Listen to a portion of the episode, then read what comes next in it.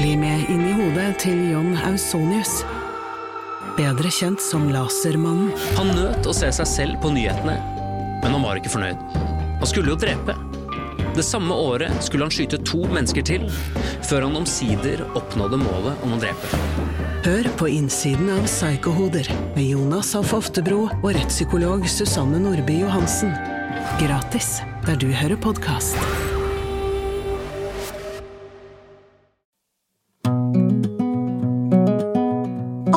Syke, og jeg vil gjerne snakke om det. Det gjør jeg her, sammen med huspsykolog Magnus og en gjest. Dette er Pia på syke. Jo flere episoder vi lager av eh, Pia og psyken, Magnus, Ja.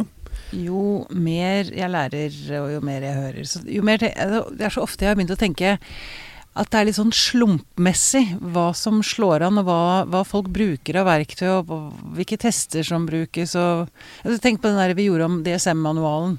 At de ikke visste at den skulle få så stor makt, liksom. At det er litt sånn strømninger. Altså, man har liksom ikke Mm. Det, er, det har du rett i, og det er jo uh, selvfølgelig sånn at uh, når begreper og teorier får gjennomslagskraft, mm, så forsyner det seg jo ofte veldig mye.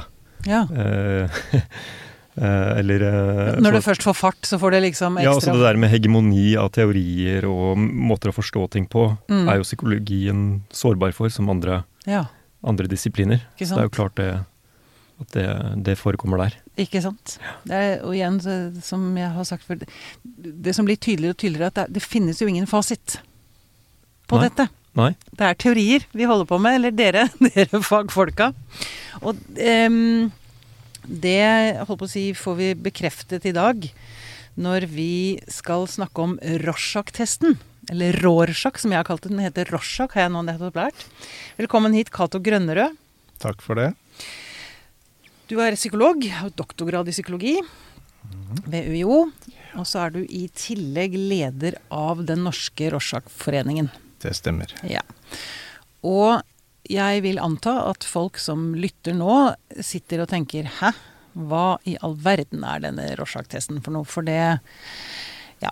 Det jeg har lyst til å si, det er at da jeg begynte å forske litt på dette, så tenkte jeg Altså, det er nok mange som har sett disse klassiske blekkflekkene, som, men som gjerne har blitt brukt i sånne vitsetegninger. Det er liksom det jeg har Mm. forbundet med de blekkflekkene. De dukker, har dukket opp mange sånne steder. Ja. Ja. For Det, har fått kanskje et litt dårlig rykte. Det tenkte jeg faktisk litt på når jeg var eh, på vei ned. Eller tenkte hva skal vi snakke om her? Og det er jo litt eh, hva vet folk? Eh, folk har Ganske lite, de- vil jeg tro. Ja, men det de har sett er da type Marvel-filmer eller Mummi-tegneserier eller Donald. Mm. Og alle de stedene hvor disse tingene dukker opp, da. Ja. Bare for å beskrive det. Det er altså blekkflekker. Ja, så Det som er Rorschach-metoden, er ti plansjer med symmetriske blekkflekker. Ja, sånne speilvendte, liksom. Ja, det er Sånn symmetriske. Det er sånn symmetrisk, retta sammen og bretta ja. ut igjen. Mm. Det er ikke helt sant, men litt sånn. Mm, Ja. ja. Og den testen fyller 100 år i år. Eller det er 100 år siden Herman Rorschach utga boken sin, Ja. som het 'Psykodiagnostikk'. ja. Ja. Det stemmer. Ok. Eh, ti plansjer. Eh, Altså, vi, vi må begynne å nøste et eller annet sted. Og for meg så virker dette litt sånn Det er ganske stort, dette feltet.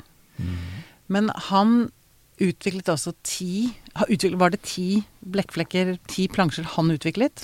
Han utviklet mange flere, men han endte med ti som han publiserte som den offisielle metoden. Men Mm. han eksperimenterte veldig mye med mange forskjellige flekker og bilder og Ja. uh, muligheter, før han landa på ti stykker som ble publisert. ja. Ja. Og jeg vet at du altså, Vi skal snakke mer om det senere, men denne testen har jo da eh, fått en, i hvert fall en kjempestor backlash og mista mye kredibilitet, liksom. Og den Det skal du nå få lov til å argumentere mot, eller for denne testen.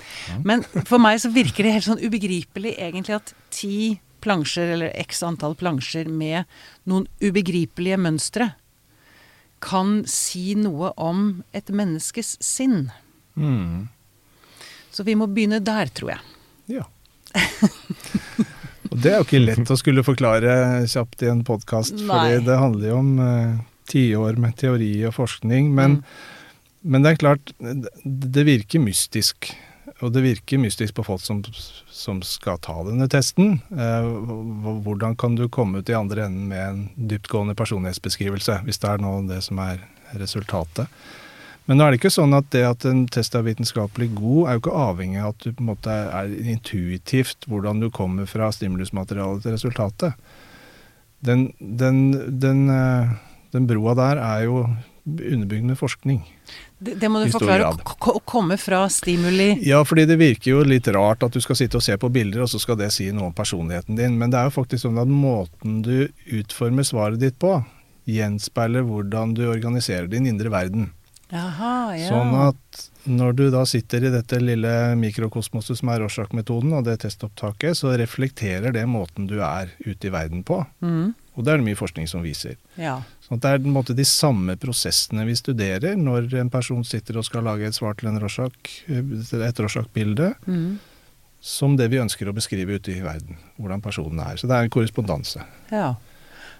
Og Ja. det handler mye om Altså folk tenker nok mye på hva er det jeg ser i denne flekken, men det er ikke det som er det viktigste. Det er mer hvordan lager man svaret. Aha. Ja, hva, hva, hva er det du bruker av blekkflekken, hva, og hva slags prosesser er det det setter i gang når du skal formulere et svar.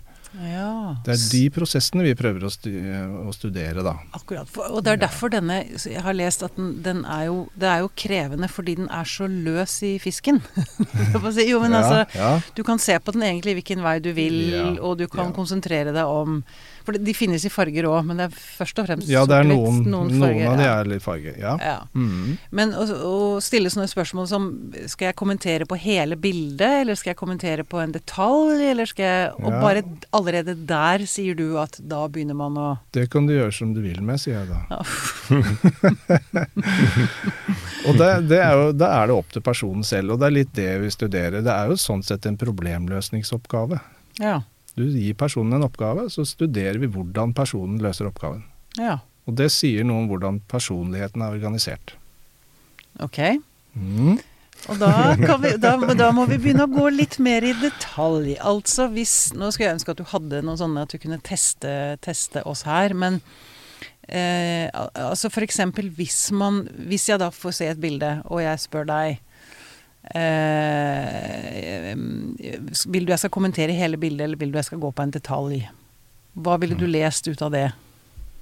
Jeg leser ikke nødvendigvis så mye ut av det spørsmålet, og det er også litt viktig at vi ser ikke etter sånne enkelttegn. Det er på Nei. en måte mønstre Ja. i, på tvers av mange svar Ja. som vi studerer. Så den type enkeltting har ofte ikke så veldig mye betydning. Nei. Det kan ha det, men som regel ikke. Nei. Eh, hvis jeg skulle bare ta det sånn som du formulerer det nå, da, så Mm. er det kanskje at noen uttrykker en viss usikkerhet og, og trenger litt mer støtte enn det andre gjør, som bare vil velge en strategi. Ja. Kjøre hardt på den. Så det er ikke sikkert den er veldig god heller, men de velger iallfall noe. De sant? noe. Ja. Men akkurat det eksempelet er nok eh, litt sånn trivielt, for så vidt, da. Ja. Ja. ja. Ok. Men det er, ja. Mm, ja. Skulle du Nei, ok. Nei. Jeg har lyst til å bare høre for meg. Jeg vet at Magnus, du har også vært opptatt av denne testen. Jeg tror jeg, min eh, nysgjerrighet dreide seg, om, eh, dreide seg i utgangspunktet om den, eh, de, det spørsmålet du hadde, om hvordan man kan bevege seg fra det stimulusmaterialet, som er disse blekkflekkene, Mm. og til en vurdering av en personlighet. Ja. At det i seg selv er veldig spennende, og utgangspunktet for metoden er veldig, veldig mye mer Hva skal man si for noe eh, den, eh, Det er en veldig kreativ innfallsvinkel da, til å Ja. vurdere menneskets personlighet. Ja. Istedenfor å spørre er du en person som er opptatt av regler og rutiner, eller er du en person som er eh, at det, Hvor det gjerne blir kaos rundt. Mm. Eh, så stiller man ikke den type spørsmål hvor personen selv beskriver sin egen personlighet og samler opp det, men man har en tro på at ved å strukturere en sånn situasjon, som er eh, hvor det er bare mye hvor det, er, hvor det er helt abstrakt, og personen selv må på en måte legge eh, bruke, generere, da. Hente ut ting innenfra seg selv Mm. og plassere egentlig litt sånn strukturer ned på papiret som Mm. ikke er der. Mm. Så er det en eh, Tenkte jeg at det er jo en kilde til kanskje å få vite noe, noe om personen som vedkommende ikke i utgangspunktet selv vet at han vet om, eh, vet om seg selv. Ikke sant. Man blir litt sånn avslørt. Det høres ut som man blir veldig sånn Ja, avslørt det uten at man er vil det, eh, liksom. Rorschach. Det er jo Ja. litt det som er med Rorschach, at den eh, potensielt uh, var det det som skulle være I visse tilfeller, da. mm, Uh, så at den har et potensial der som kanskje andre tester ikke engang på, påstår at de har. nei, akkurat. Mm. Men betyr det da at en som er mer kreativt anlagt, vil like den testen bedre enn en som er opptatt av struktur, f.eks.? Ja, så hvis, veldig sånn gjennomsnittlig så vil jeg tro det. For det, Mhm. det stimulerer jo veldig til fantasi og kreativitet. Nå er ikke dette noe test på fantasifullhet i den forstand. Mm. Og du sier at det er jo det er liksom abstrakt, det er jo egentlig ingenting, men det ligner jo faktisk på Mm. noe. Så det er den derre balansen. Det at det faktisk kan ligne mer på noe enn noe annet, og hva er det jeg kan få det til å være. Og det er litt, de, de grenseoppgangene der som er interessante å studere, for det er jo ikke helt strukturløst. Nei. Da er vi litt tilbake til hvordan de er laget også. Fordi, og det fant vi først når vi fant Rorschachs, Herman Rorschachs originale skisser på et loft i Sveits i 2006, var det vel? Å, så seint! Ja, ikke sant? Ah, Og der fant man dagbøker og mye spennende materiale. Så du ser at han har eksperimentert fram. Så det er på en måte, det er ikke, det er ikke veldig tilfeldig, faktisk. Det er noe som kan ligne på noe, og som da fungerer i den sammenhengen som han brukte det, som var å diagnostisere schizofrenier. ja. Det er også litt viktig å tenke på sånn i utgangspunktet her. Hva, hva ble det laget for? Det var derfor han Ja, for jeg har lyst til å snakke litt mer om han også. For Ja. jeg, jeg fant et sitat, eller noe han skrev til sin søster. eh, At han aldri ville lese bøker igjen. Han vil bare lese mennesker. Mm. Eh, Det mest interessante i naturen er den menneskelige sjelen. Nå oversetter jeg direkte fra engelsk her, så det er derfor det går litt sånn hakkete. og det, største man kan gjøre som person, er jo å he hile disse syke sjelene. Mm. Jeg synes bare det er så utrolig vakkert. Jeg har ikke lyst til å lese bøker, jeg har lyst til å lese mennesker. Mm. Det er veldig fint. Ja.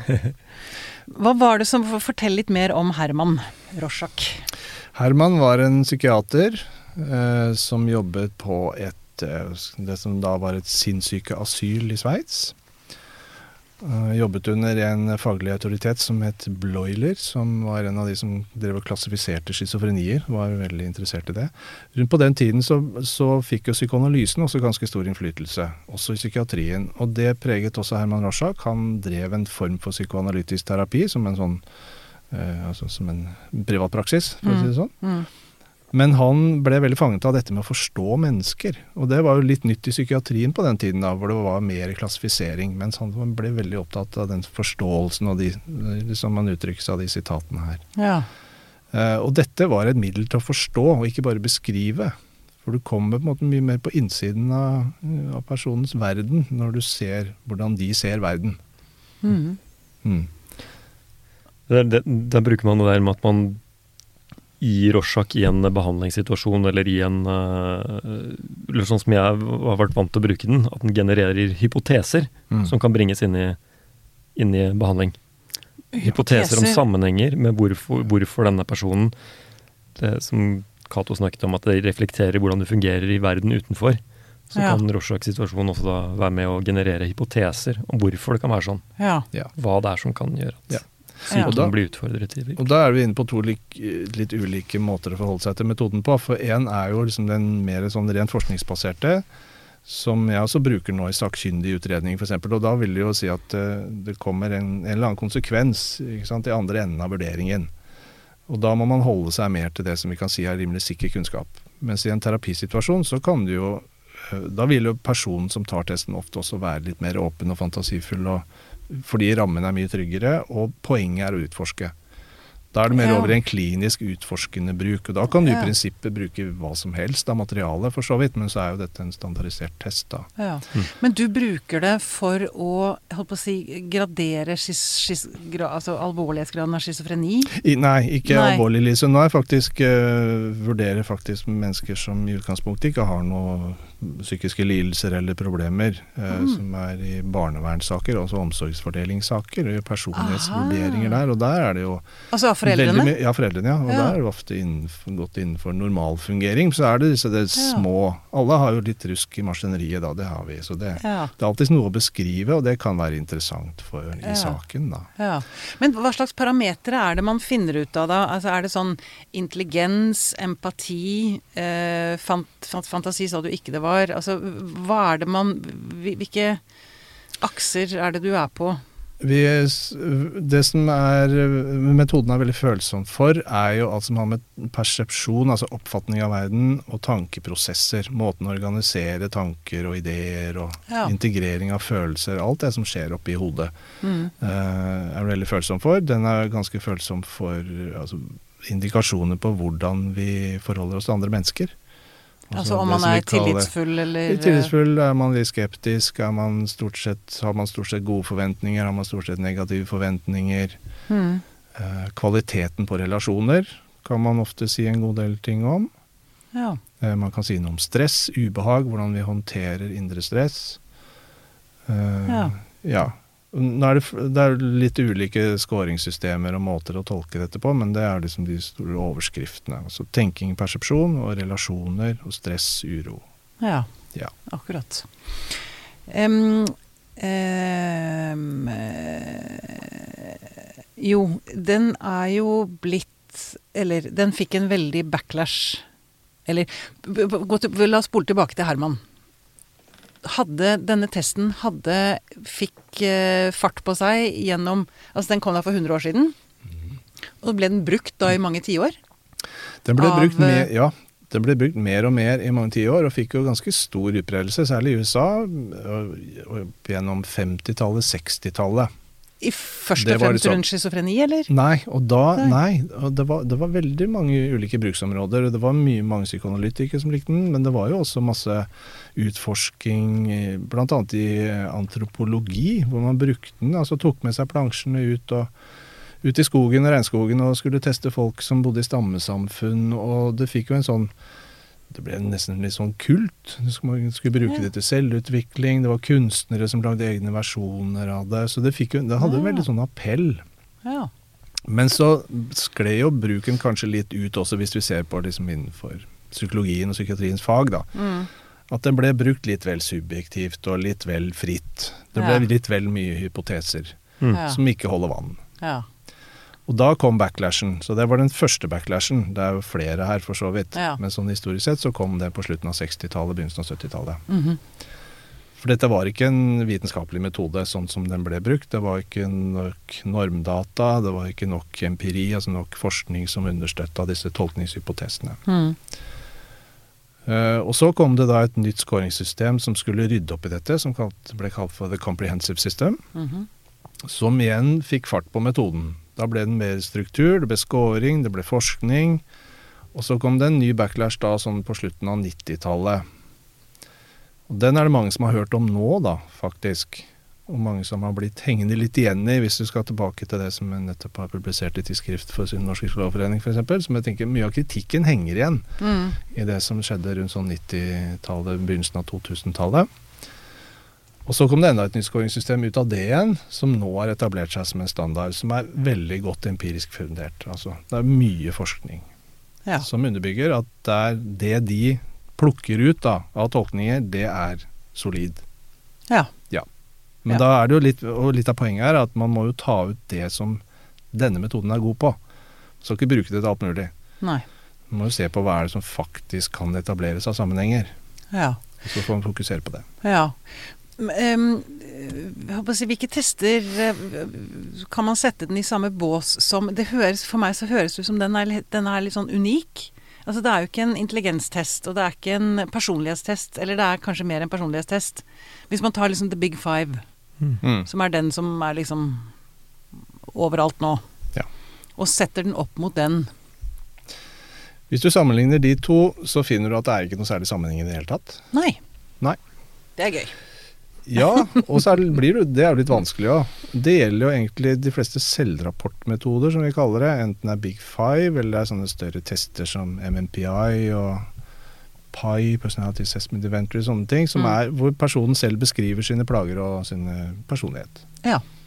Og så er de gode tester, for de henger sammen med det de er ment å henge sammen med. Og så Mm. bruker vi Rorschach, og så henger den sammen med det den er ment å henge sammen med. Men de samsvarer ikke, selv om de i utgangspunktet skulle beskrive de samme tingene. Nei. Korrelasjonene er null, stort sett. Og okay. Og dette, da begynner det å bli vanskelig for oss psykologer å håndtere Mm. dette her, for hva er det egentlig vi undersøker? Men når du sier Unnskyld at jeg nå avbryter deg, men når du sier at det, det korrelerer ikke, betyr det da at mennesket har et helt annet selvbilde enn det som faktisk stemmer? Nei, det har noe, det er, det er en annen type data. Ja. Det, det, det vi opplever og beskriver om oss selv, er jo det er viktige data, men det, det vi får ut av tester som viser hva folk faktisk gjør, hvordan de løser problemer, gir en annen type data. Og så Mm. må vi prøve å få de tingene til å henge sammen, da. Og det er ofte litt utfordrende. Men, så det er generelt sett veldig lite sammenheng med hvordan hva vi sier vi gjør, og hva vi faktisk gjør. Der er det liksom variable sammenhenger, kan man si. Mm. Så vi liker å tro at vi er den og den, og er sånn og sånn, og så Mm. setter man folk til å gjøre ting, og så viser det seg at det stemmer jo ikke alltid. Nei, det var- det jeg egentlig mente med Mm. at vi har et annet vi har, Jeg tror at jeg er sånn og sånn, og så tar jeg Rorschach-testen, og så, jeg, så viser det seg at nei. Ja. Det var ikke sånn i det hele tatt. Eller det kan være sånn i det hele tatt. Altså, det varierer jo folk også, ikke sant. Ja. Hvor, og det har jo med selvinnsikt å gjøre, blant Mm. annet. Mm. Altså, noen kjenner seg selv godt, og da er det rimelig god samstemthet, mens andre ikke gjør det. Mm. Det er mer fortrengning, og det er mer unnviking, og det er mer ting man ikke ønsker å gå inn i. Mm. Da blir forskjellene større, da. Ja. Mm.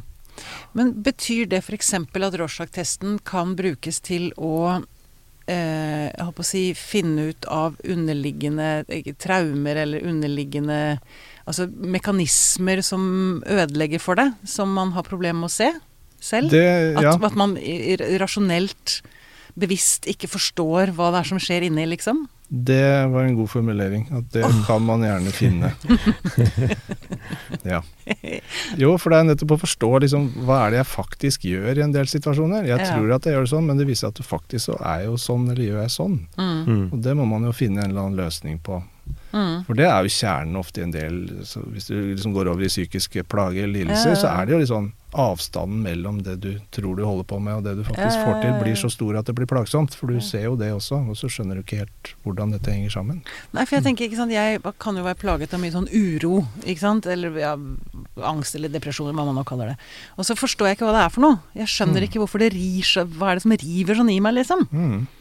Det er ikke sikkert en sånn metode vil liksom finne ut at det er dette som river i deg, men kanskje litt sånn du nærmer deg verden på denne måten, og derfor så kan de og de problemene oppstå. Ja. Og så kan du begynne å nøste, da.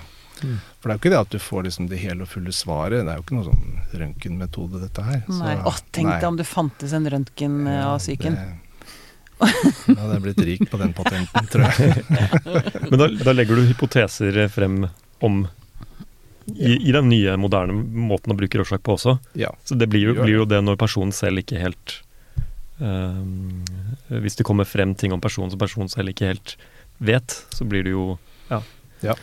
Og, eh, jeg, så lurte jeg bare på om eh, dette med psykoseutvikling eller, eller ved mistanke om psykotisk gjennombrudd. Mm. Om hvordan, hvordan er statusen til den testen for det i dag? Akkurat det med det vi kaller realitetsbrist, og det er liksom begynnelsen på psykose. Mm. Der er den metoden veldig følsom, og det er også veldig mye forskning som viser. Sånn at du kan se der hvor det begynner å svikte, der hvor du begynner å oppfatte ting litt annerledes, litt sært, du får ikke med deg det som er viktig, legger vekt på ting som er uviktig, sånn i Mm. andres øyne, da. Mm.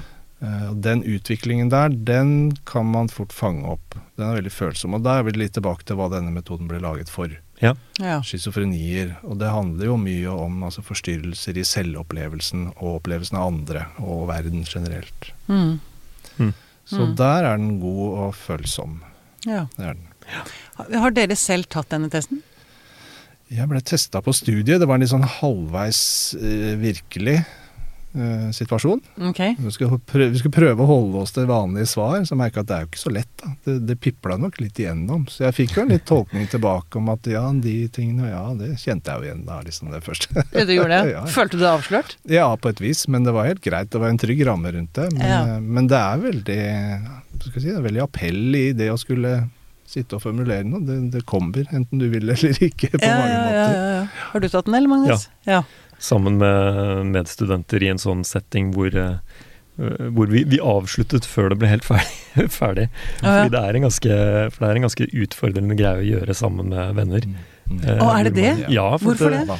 Jo, altså for at du, du beveger deg jo da fra det som er svar, som gis i en litt sånn uformell setting, ned til, ned til bøker og til manualer som eh, kommer med ganske sånne eh, direkte hypoteser, da. Mm. Og så, og så kan det være ganske angstprovoserende for mange å sitte og drøfte det. Ja. Og, det blir litt, og selv om man prøver å ha en, prøver å ha en tullete tone rundt det, så blir det eh, I hvert fall vår erfaring er at det blir litt seriøst allikevel. Ja, ja, ja. Mm. Det er noe Ja. med den testen. ja. Ja, det er litt av styrken, tenker jeg. Og det har noe med at visuelt materiale stimulerer oss, og det, det setter i gang ting nesten nærmest uansett. Mm. Så spørsmålet er jo mer hva du da gir fra deg, eller hva du greier å holde tilbake. For det, det er også en del av det du vurderer i situasjonen. fordi hvis du spør folk hva, hva så du faktisk i disse bildene, så Mm. kan du få masse gærne svar. Ikke sant? Men, men det sa jeg jo ikke, sier de da. ikke sant? Jeg sa oh, ja. jo det og det. Mm. Og så er det nettopp det, hvor, hvor setter folk den grensen? da, ikke sant? Hva tenker de er greit å si, hva tenker de er ikke greit å si? Noen blir ukritiske, og bare, alt bare renner ut. Mm. Andre blir veldig tilbakeholdne, så de tør ikke liksom, de- løsne på snippene overhodet. Så den grensa der er også en viktig del av tolkningen. da. Mm. Så, Ja. ja. Men fordi, så vidt jeg har skjønt, så er det eh, Selve testen tar ikke nødvendigvis så innmari lang tid, men det tar veldig lang tid å analysere svarene, er det så? Selv, altså det å gå gjennom selve administreringen, som vi kaller det, tar sånn rundt en halvtime, tre kvarter. Oh, ja. Og så bruker man gjerne en times tid på å score, som, man heter, som Mm. det heter, altså Mm. kodingen av svarene. Og så skal man jo se på hva de tyder på igjen, da, og integrere og så finne fram hypotesene, resultatene, og få en helhet på det. Ja. Så det er jo en tidkrevende metode. Ja. Det er det. Nettopp. Det gjør jo at det er ikke så mange som satser på den, fordi det, det krever litt innsats for Ja. å lære den, da. ja. Mm. For det, det spurte jeg deg også om. om jeg, jeg sa jeg har jo lyst til å ta testen. Nei, det Mm. var ikke så lett. Nei, det er veldig irriterende. En ting er jo at det, det er ikke så mange som kan Jeg vil kan bli den. avslørt. Ja, du, ja ok. en ting er at det er ikke så mange som kan den, og så er det jo Om det er en testsituasjon som folk på en måte vil gå med på, eller et oppdrag som man går med på, da. Når Mm. man først eh, kan den, så bruker man den gjerne klinisk. Ja. Ja. Ja. Og det er kanskje bra det at ikke det blir en sånn Ja, populær eh, jeg tenker det. For jeg så det fantes noen på internett, Ja da. men det er kanskje ikke så veldig seriøst. Det er som- veldig variabelt, det som ligger på internett, for Ja. å si det sånn. Ja, Ja. det kan vi si. Men Ja. så lurer jeg på, når du da kommer med analysen til en eh, Om det er i en barnevernssak eller i en altså, ja, klinisk situasjon, Mm. eh, får du eh, Er det sånn åpenbaring? Folk blir sånn «Åh, Wow!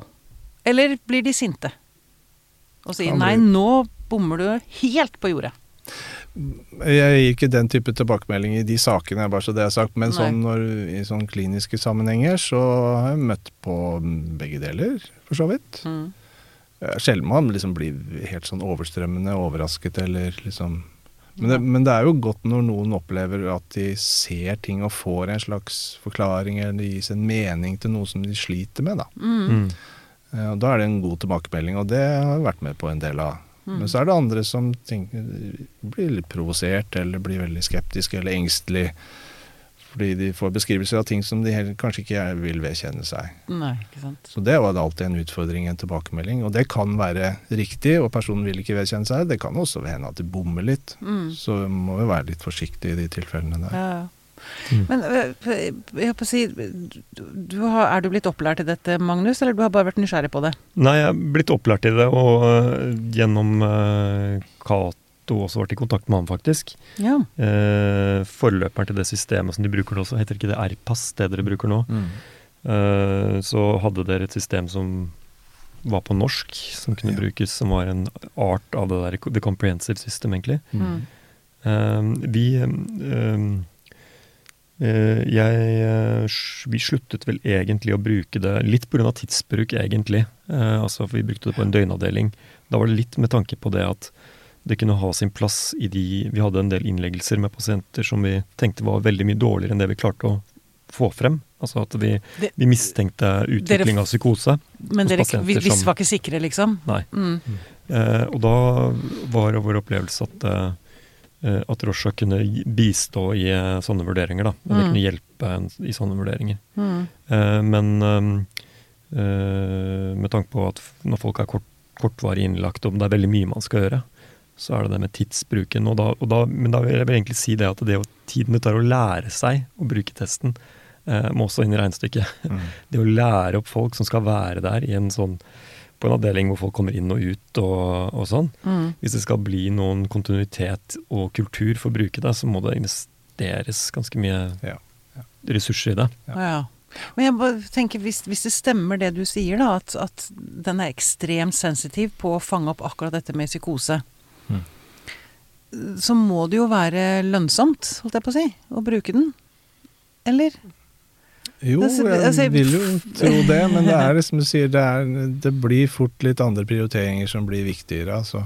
Mm. Som Så, nei, at du, du må ha en viss omløp, og du kan ikke bruke så lang tid per pasient. Og dette er jo en plage i psykisk helsevern som bare blir verre og verre. Mm. Så det blir jo mindre og mindre tid til den type fordypning, selv om det godt kunne argumentere for at eh, det du får ut av de andre enden, faktisk er bedre informasjon. mm. Eh, Mer brukbar informasjon, men eh, Så skal du vel ha en, kanskje en Hvordan er synet på det? Skal du ha en viss mengdetrening egentlig for å Og du må opprettholde en viss mengdetrening for å kunne bruke metoden riktig også? Ja. Det er, ikke noe, det er ingen formelle krav til metoden sånn sett, bare at den, den holdes jo stort sett altså Opplæringen forbeholdes psykologer. Eh, utover Mm. det så er det ikke noen formelle krav, men det er klart det, det krever litt å holde det ved like. Mm. For det, det er, du må jo øve en del bare for å lære det ordentlig, og Mm. så holde det ved like over tid. Mm. Så det er en utfordring. Så du, du må være ordentlig interessert, altså, Ja. for å holde på med dette her. Ja. ja. Men jeg regner med at du som leder da denne Rorschach, norske Rorschach-foreningen gjerne vil at flere skal begynne å bruke den? Ja og da. bruke den mer? Jeg regner med at du slår et slag for Jeg slår de slagene jeg kan, måtte jeg få si. så absolutt. Um, så en ting er at uh, altså hva vi gir uh, av opplæring i student, uh, altså profesjonsstudiet. mm. Det er jo én arena. Uh, vi har jo en liten gruppe i Rorschach-foreningen, og det, apropos det med å holde ved like, så møtes vi en gjeng med kolleger, både forskere og klinikere. Så, og vi holder på med Råsak. Altså vi legger fram protokoller og går gjennom scoring og tolking og sånn for å holde ved like. Og det er Mm. ganske viktig Mm. for å kunne liksom å ha den praksis, pågående praksisen, på en måte. Ja. Um, du var kanskje inne på det i sted, um, men jeg har allikevel lyst til å gå litt dypere inn i det. Altså, du skriver i nettopp den kronikken din i, i tidsskriftet Mm. at testen aldri har hatt så solid vitenskapelig status som nå. Mm. Hva legger du i det? Det er for så vidt ikke mine ord, men det- er fra en, eh, fra en oppsummering av den litteraturen som nå foreligger. Mm. Eh, de- Den forskningen som har skjedd de siste ja, 10 årene, 15 årene, er jo resultatet av den forrige backlashen. For det Mm. kom jo mye kritikk der som var helt berettiget. Mm. Og da har metoden blitt forbedret, det er gjort flere studier. Og det med dokumentasjon som nå foreligger, det handler rett og slett om at det er ingen andre metoder som har så mange metaanalyser, som det kalles. Altså hvor man ser på Systematiserer Systematisere forskning i egne studier. Og prøver å se på et litt mer overordna nivå. Ingen andre metoder som har så mange metaanalyser som Rorschach-metoden nå Mm. har. Mm. Der ligger jo dokumentasjonen, og den viser at den er like god og for så vidt like dårlig som andre metoder. Så det er ikke det at den behøver å kritiseres noe spesielt. Det er liksom hovedkonklusjonen vi har kommet fram til nå. Ja. Nå ligger det med på utviklerne av andre tester, også de store, Neopi og de andre, og faktisk vise at de har en tilsvarende nivå på dokumentasjonen sin, for det, sånn er det ikke nå. Nei. Så hvis man går dette litt etter i sømmene, den dokumentasjonen som fins, så er ikke den alltid så veldig solid, altså. Men du mener at Rorschach-testen er Nå blitt er den, den er blitt så grundig un kritisert og undersøkt ja, at nå er det faktisk veldig god kvalitet på den dokumentasjonen som foreligger. ja. Det er fordelen med å få masse kritikk. Da gjør man Det- grundige undersøkelser. Det er sånn vitenskapen skrider framover. Kritikk, og så må man jobbe med kritikken, og så blir det bedre. Ja. Ja. Men den er fortsatt kontroversiell. Du skriver også at enkelte psykologer i ledende posisjoner forbyr sine medarbeidere Det har å vi hørt. bruke testen. Ja. Hva, hva ligger den kontroversen i, tror du? Er det pga. Uh, historikken? Altså? Nei, ja, det må jo de svare for som forbyr dette. Men eh, det er vel etter det jeg kan forstå liksom feil oppfatning av hvilken status den faktisk har, da. Jeg Mhm. kan ikke helt forstå at det er noe annet. Nei. Vi skal jo forholde oss til forskningsbasert kunnskap, og der er Rorschach helt innafor nå. Mm, ja. Det er ikke så mye tvil om det. Mm. Hva, spørre dere begge, hva, altså, hva kan man se i fremtiden? Altså, det jeg leste Du, du eh, tipset meg om en artikkel i The Guardian. Mm. Og der ble det jo beskrevet en terapeut som jeg holdt å si avslørte i anførselstegn eh, ganske sterke eh, seksuelle fantasi, voldelige fantasier rundt barn. Mm. Er den godt egnet til å avsløre altså mer skremmende altså psykopati, sånne type ting? Det åpne spørs store spørsmålet mitt her er hvordan tenker man at denne kan brukes fremover? Hvis, man, hvis, hvis du kunne få velge utviklingen hvilke, hvilke, hvilke diagnoser Ja. Jeg tror ikke jeg ønsker meg så veldig mye annen bruk, for så vidt. Og jeg er litt skeptisk til å tenke at man skal ha den type liksom, spektakulære avsløringer av folk. Ja. Eh, Mm. det, det er nok unntakene. Så det er kanskje mer for å illustrere hva skal si, kraften den kan ha overfor Ja. enkelte personer. Mm. Det er ikke det som er det typiske. Det er jo å vurdere personlighet og fungering opp mot psykisk helse Mm. Ganske bredt og ganske generelt. Ja. Og som jeg sa, det, der den er følsom, det er liksom realitetsbrist, litt sånne rare tankeprosesser, den type ting, som kanskje kan ligge litt under overflaten, Mm. som kan komme opp. Veldig sjelden kommer den type ting. Ja. Som du nevner nå. Den er også brukt i forhold til psykopati, antisosial personlighetsforstyrrelse, og der kan man jo se ganske voldsomme ting. Mm. Men det er ikke det at det er, da skal vi bare bruke den til det, liksom. Nei, jeg, bare, jeg, det er ute etter om, om, den, om liksom bruken kan eh, omfavne mer, da. Mm.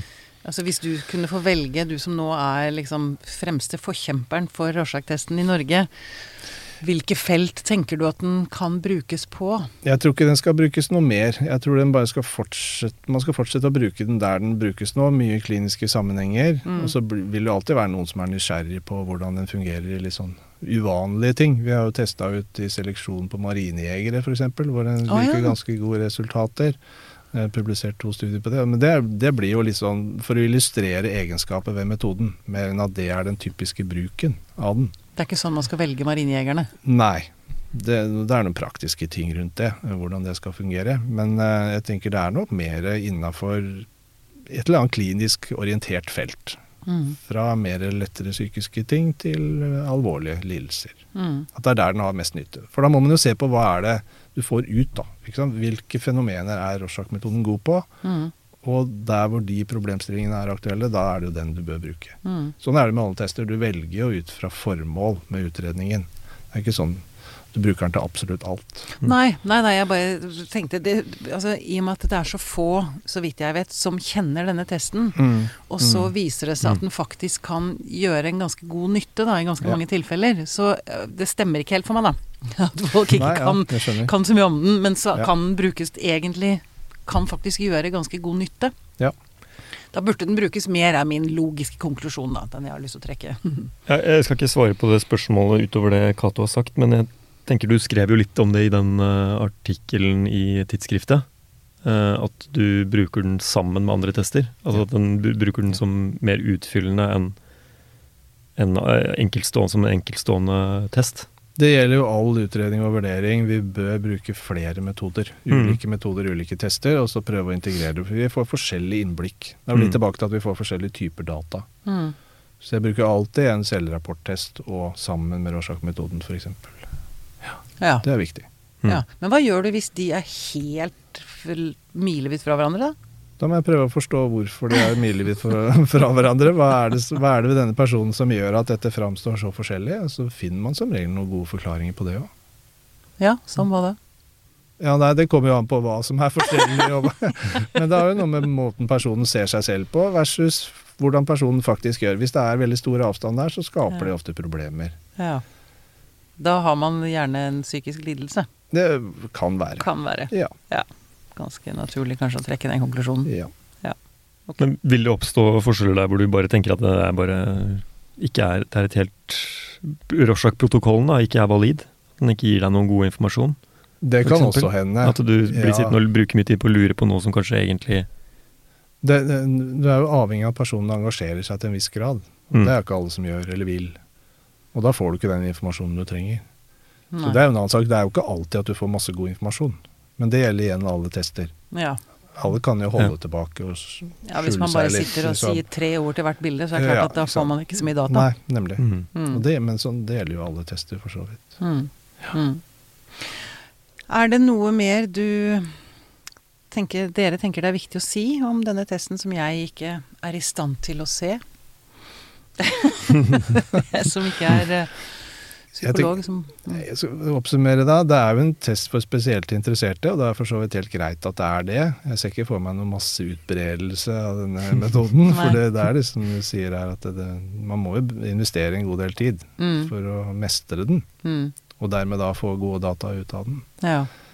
Men at det er noen flere som blir litt mer nysgjerrig, det kan man jo håpe på. Og så håper jeg at en del fagfolk lar gammel kritikk ligge, som jeg også skriver i denne kronikken. Ja. For det, det er på tide. ja. Det, det er litt sørgelig, syns jeg. I hvert fall prøve å bytte ut kritikken med litt mer nysgjerrighet. Og så kan man kanskje lese litt forskning, da. Det, det kan man jo lære litt. Det, det kan også Ja. gjøre en god nytte. Ja. Får vi se. Men også til slutt så har jeg bare lyst til å spørre, hvis man er terapeut og har lyst til å lære mer, finnes det kurs og sånn? Du, det er ikke noe sånn som vi har åpent nå. Vi har arrangert kurs før, og så er Mm. det litt avhengig av interesse. Så da må vi bli kontakta, tenker jeg. Så Ja. setter vi nok opp kurs hvis det er nok folk. Det er nok folk, ja. Ja. Og så aller sist, så er det vel en eller annen stor feiring? Selve det. 100-årsdagen, var det november? Nei. 5. november skal vi ha et heldagsseminar på Universitetet i Oslo. Ja. Eh, Der kommer det snart ut en annonsering og påmelding. Så der skal vi gå gjennom eh, historien om Herman Rorschach og historien om Rorschach-metoden i Norge, og, og litt om eh, klinisk bruk. ja. Så Er dette det- noe som- er åpent, kommer til å bli åpent for alle, eller er det for Det er i utgangspunktet åpent for alle, ja. Ja. Hm. Det er det. Så bra. Og hvor går man for å finne mer informasjon om det? Ja, nå holder vi på å skulle annonsere dette, så det blir jo en del annonsering gjennom de kanalene vi har, altså Rorschach-foreningen, Ja. de nordiske foreningene på instituttet. Mm. Så jeg har ikke hele strategien klar ennå. Nei. Men Nei. det kommer Hvis man Så det er jo selvfølgelig mye for fagfolk og studenter, da, som vi Ja. tenker. Ja. Men det er ikke noe lukka arrangement i den forstand. Nei. Men det blir en heidundrende feiring òg. Ja, det vil jeg tro. Veldig bra. Jeg får bare avslutte med å si gratulerer med 100-årsdagen, da. Jo, takk for det. Ja, jeg får gratulere metoden selv, jeg da. Ja. Tusen takk for at du kom i studio, Cato Grønnerød. Takk, veldig hyggelig å være her. Veldig fint å ha deg her.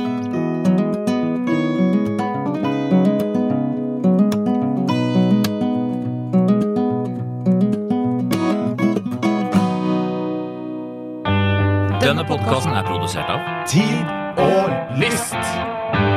Med støtte fra stiftelsen Kåre Berg.